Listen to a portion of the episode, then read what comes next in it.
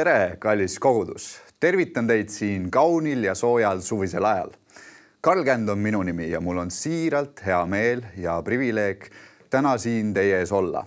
oleme juba mitu nädalat kogudusega olnud jutluse seerias Suvi Markusega ja täna saan koos teiega, kallid äh, kuulajad ja vaatajad, uurida lähemalt Markuse evangeeliumi üheksandat ja kümnendat peatükki, lähtudes teemast vastuseta küsimuste vastused jutluse seeria avas meile suve alguses pastor Meego Remmel, kes lähemalt rääkis Jeesuse eneselemmiktiitlist inimese poeg. see pani meid mõtlema, miks Jeesus end selliselt kutsus. lugedes Markuse evangeeliumi oleme saanud sellele ja paljudele teistele küsimustele vastuseid. kõik eelnevad jut-, eelnevad jutlused on tegelikult kättesaadavad ja kuulatavad nii TV7 kui ka 3D koguduse kodulehel ja Youtube'is. julgustan ka seda tegema. aga tulles tänase teema juurde, vastuseta küsimuste vastused, saame me kohe üheskoos pea ees sukelduda muidugi piiblisse. küsimused, millele Jeesuse ja meie ajal on vastuseid otsitud, taanduvad viimselt usu küsimusele. niisiis, tuleme Markuse evangeeliumi üheksanda peatüki juurde ja saame lugeda kahe, kahekümne kolmandast salmist, kus Jeesus ütleb nii. kõik on võimalik sellele, kes usub. siin Jeesus ei ütle, et natuke on võimalik või pooleldi on võimalik, vaid ta ütleb, kõik on võimalik sellele, kes usub. vahel on ka endal raske seda uskuda. kunagises jutluse seerias Imed kõnelesin teemal Jumal on suurem, kui me arvame, kus selgelt sõnastasin seda, mida mina arvan usust, seda, kust ma tulen ning milline on olnud minu teekond usu ja Jumalaga. tänase jutluse teema puhul näengi, et ainus vastus taaskord vastuseta küsimuste vastusteks ongi pelgalt see usk. seda kinnitab meile Jeesus mitmeid ja mitmeid kordi ka enda elu läbi. Markuse üheksandas peatükis, kus Jeesus tervendab ühe poisi, toob ta tähelepanu sugupõlve usule ja eelkäija üheksateistkümnenda salmi alusel selle sugupõlve uskmatusele. Nende sugupõlvel ei olnud piisavalt usku ega usaldust, et usk ja usaldus kasvaksid, vajasid nad imet ja kinnitust, mida Jeesus ka neile annab, kui ta poisi tervendab ning püsti tõstab. tihti vajame ka meie kinnitust. ma olen seda kogenud ka enda isiklikus elus, kus räägitakse küll ärkamisajast ja võimsatest usuliikumistest millest ka osad teist ehk on kunagi osa olnud, erinevate sugupõlvede usust, aga kutsun meid kõiki üles, et me ei oleks see uskmatu sugupõlv, nagu Jeesus piiblis rahvast nimetas. kui me imesid näha ei oska, vaid meenutaksime üheskoos, milline väärtus on usul igapäevaselt, sest Jeesuse sõnade järgi kõik on võimalik sellele, kes usub, kinnitab ta seda meile ma ei arva, et meid on kutsutud olema hiilgeaja kristlased või mäetipu kristlased. me oleme kutsutud olema kristlased iga päev. me oleme kutsutud uskuma ja lootma issanda peale, olles ettevaatlikud mitte sattuda patusele ja väärale teele. patustamise ohust kõneleb meile Markuse evangeelium väga selgelt, kus näeme, et tegelikult üsna jõhkralt on meile sõnastatud patustamise oht ja tulem. kuulsa teadlase Blaise Pascali sõnul võime tuua analoogse näite, kes ütles, on parem, et usuksid põrgut ja tõdeksid, et eksisid, kui tõdeda ja mitteuskumisel mõista, et sul polnudki õigus. karm, aga põhiline on see, nagu ka eelnevalt Jeesus on öelnud, et me ei pea kartma, vaid teadma et inimene, kes elab Jeesust järgides, kes elab usus, on maa sool. Markus üheksandas peatükis viiekümnendas salmis äh, kõneleb nii. sool on hea asi, aga kui sool läheb magedaks, millega te maitsestate seda? olgu teil soola enestes ja pidage rahu omavahel. kurb on näha, kui palju raevu, viha ja ängistust on maailmas ja tegelikult meie ümber aga see pole ju veel kõik, sõbrad.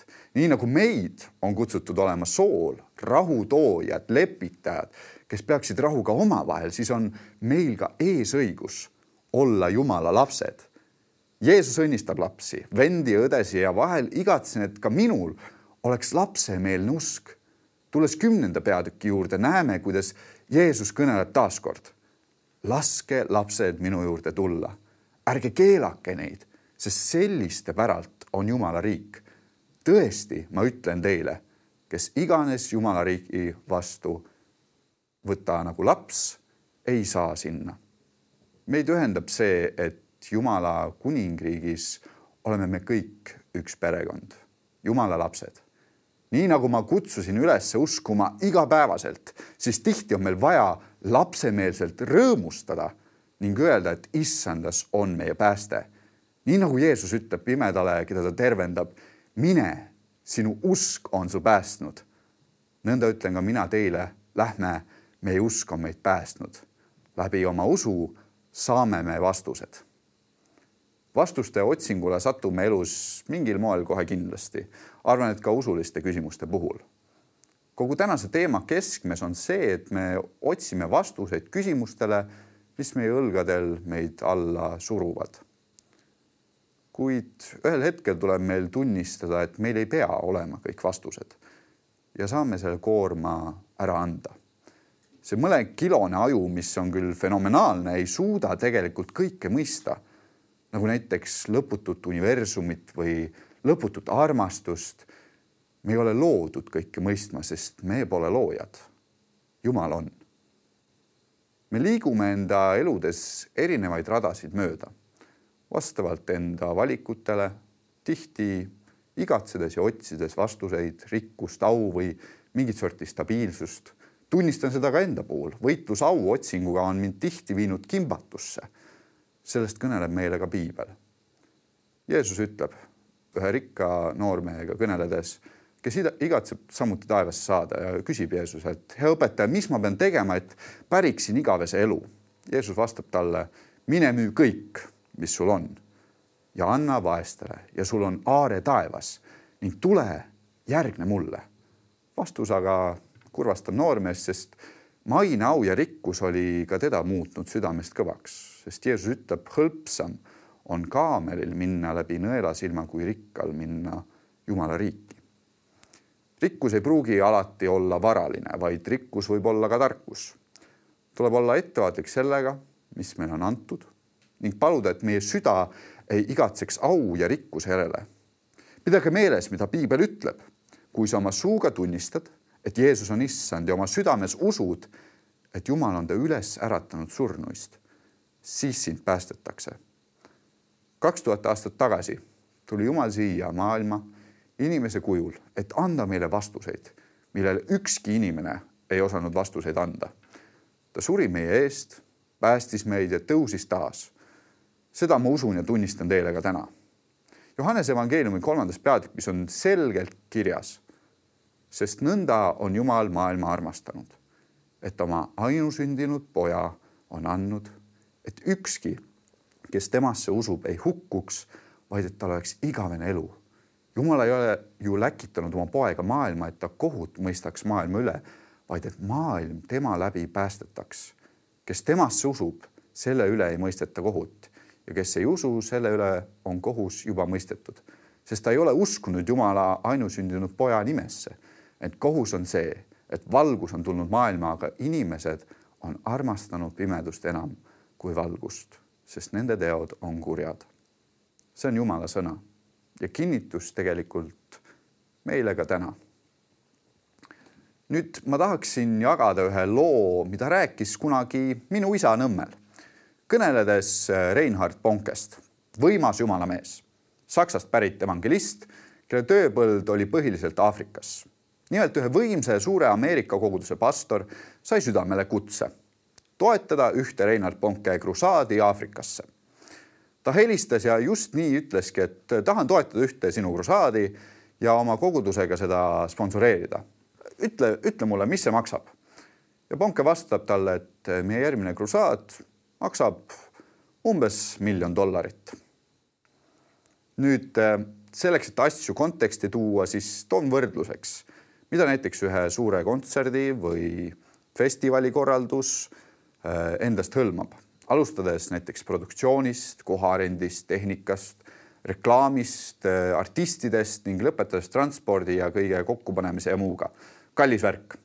nüüd tulles tagasi loo juurde, siis see summa, kui Ameerika pastor seda kuulis, siis ta ehmus ja ta läks nädal äh, hiljem koguduse juurde ning äh, ütles neile, et teate, et nüüd on niisugune lugu, et äh, et ma tunnen, et, et Jumal andis mulle kutse toetada, aga teate, ega, ega Jumalal endal ka nii palju raha ei ole.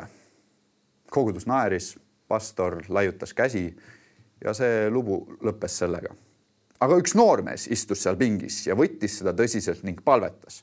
Jumal, kui sa mulle selle raha annad siis ma kingin selle, selle äh, Aafrika krusaadi jaoks. ja teate, nii juhtuski, sest sõna ütleb, Jumala käes on kõik võimalik. tuli üks väljakutse üle Ameerika, et teostada üks raske ülesanne ning see sama noormees koos oma meeskonnaga otsustas, et hea küll, me lähme, võtame selle väljakutse vastu ja siis äh, temale öeldi, et kui te selle teostate, siis me oleme valmis teile lisaks maksma ka boonust, et te seda kõike tõsiselt võtaksite. Äh, öelge, öelge meile summa. noormees vaatas, ütles, et mul on selge, ma vajan miljon dollarit. ma olen seda kellelegi lubanud, mul on seda nüüd vaja. Läks äh, pool aastat mööda ja see meeskond, see meeskond sai hakkama. Ja ühel pühapäevase teenistuse järel see noormees läheb siis sellesama pastori juurde ja ütleb, et mul on teie raha mis raha? no see ponkeraha. nii nad siis üheskoos võtavad telefoni, helistavad, äh, kirjutavad välja tšeki ja mõnda aega tuleb, äh, äh, tuleb teade, et tulge Aafrikasse. selle miljoni dollari eest on korraldatud Nigeerias eri lokatsioonides viiepäevane krusaad, mille jooksul üks koma üks miljon inimest andsid oma elu Jumalale. üks koma üks miljon, peaaegu terve Eesti viie päeva jooksul nüüd pastor ütles, et see oli selle noormehe elu kõige võimsam kogemus, kui ta vaatas, kuidas need inimesed tulid ja tulid ning said päästetud. nüüd arvus ei ole küsimus, vaid kui meil kellelgi on olnud võimalus osa olla kellegi elu muutumisest või oleme saanud ise muudetud, siis see on see, mis puudutab ja võib ka täna sind puudutada.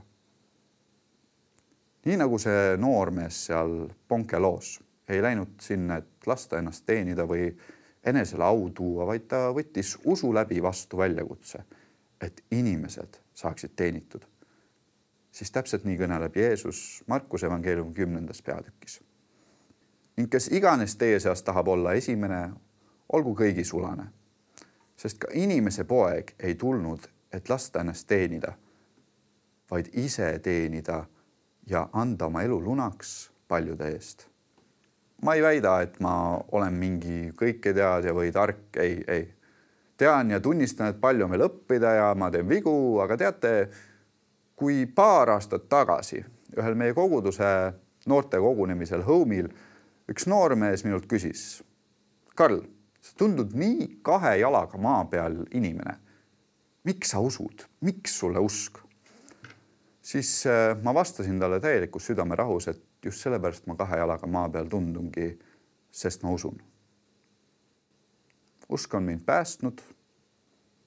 ma olen Jumala laps ja täna ma seisan siin ja tunnistan, et kõik on võimalik sellele, kes usub. nüüd ma lõpetan ühe lausega, mida, mida minu isa ütles oma jutluses.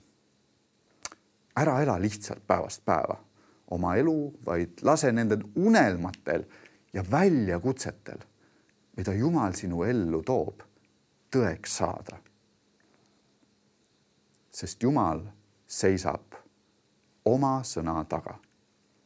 amen. otsi Jumalat igapäevaselt ja lähme üheskoos, sest meie usk on meid päästnud ja see annab meile vastused tänan, et võtsid aja, et kuulata. soovin kõigile mõnusat aruteluaega ja õnnistusi edaspidiseks. aitäh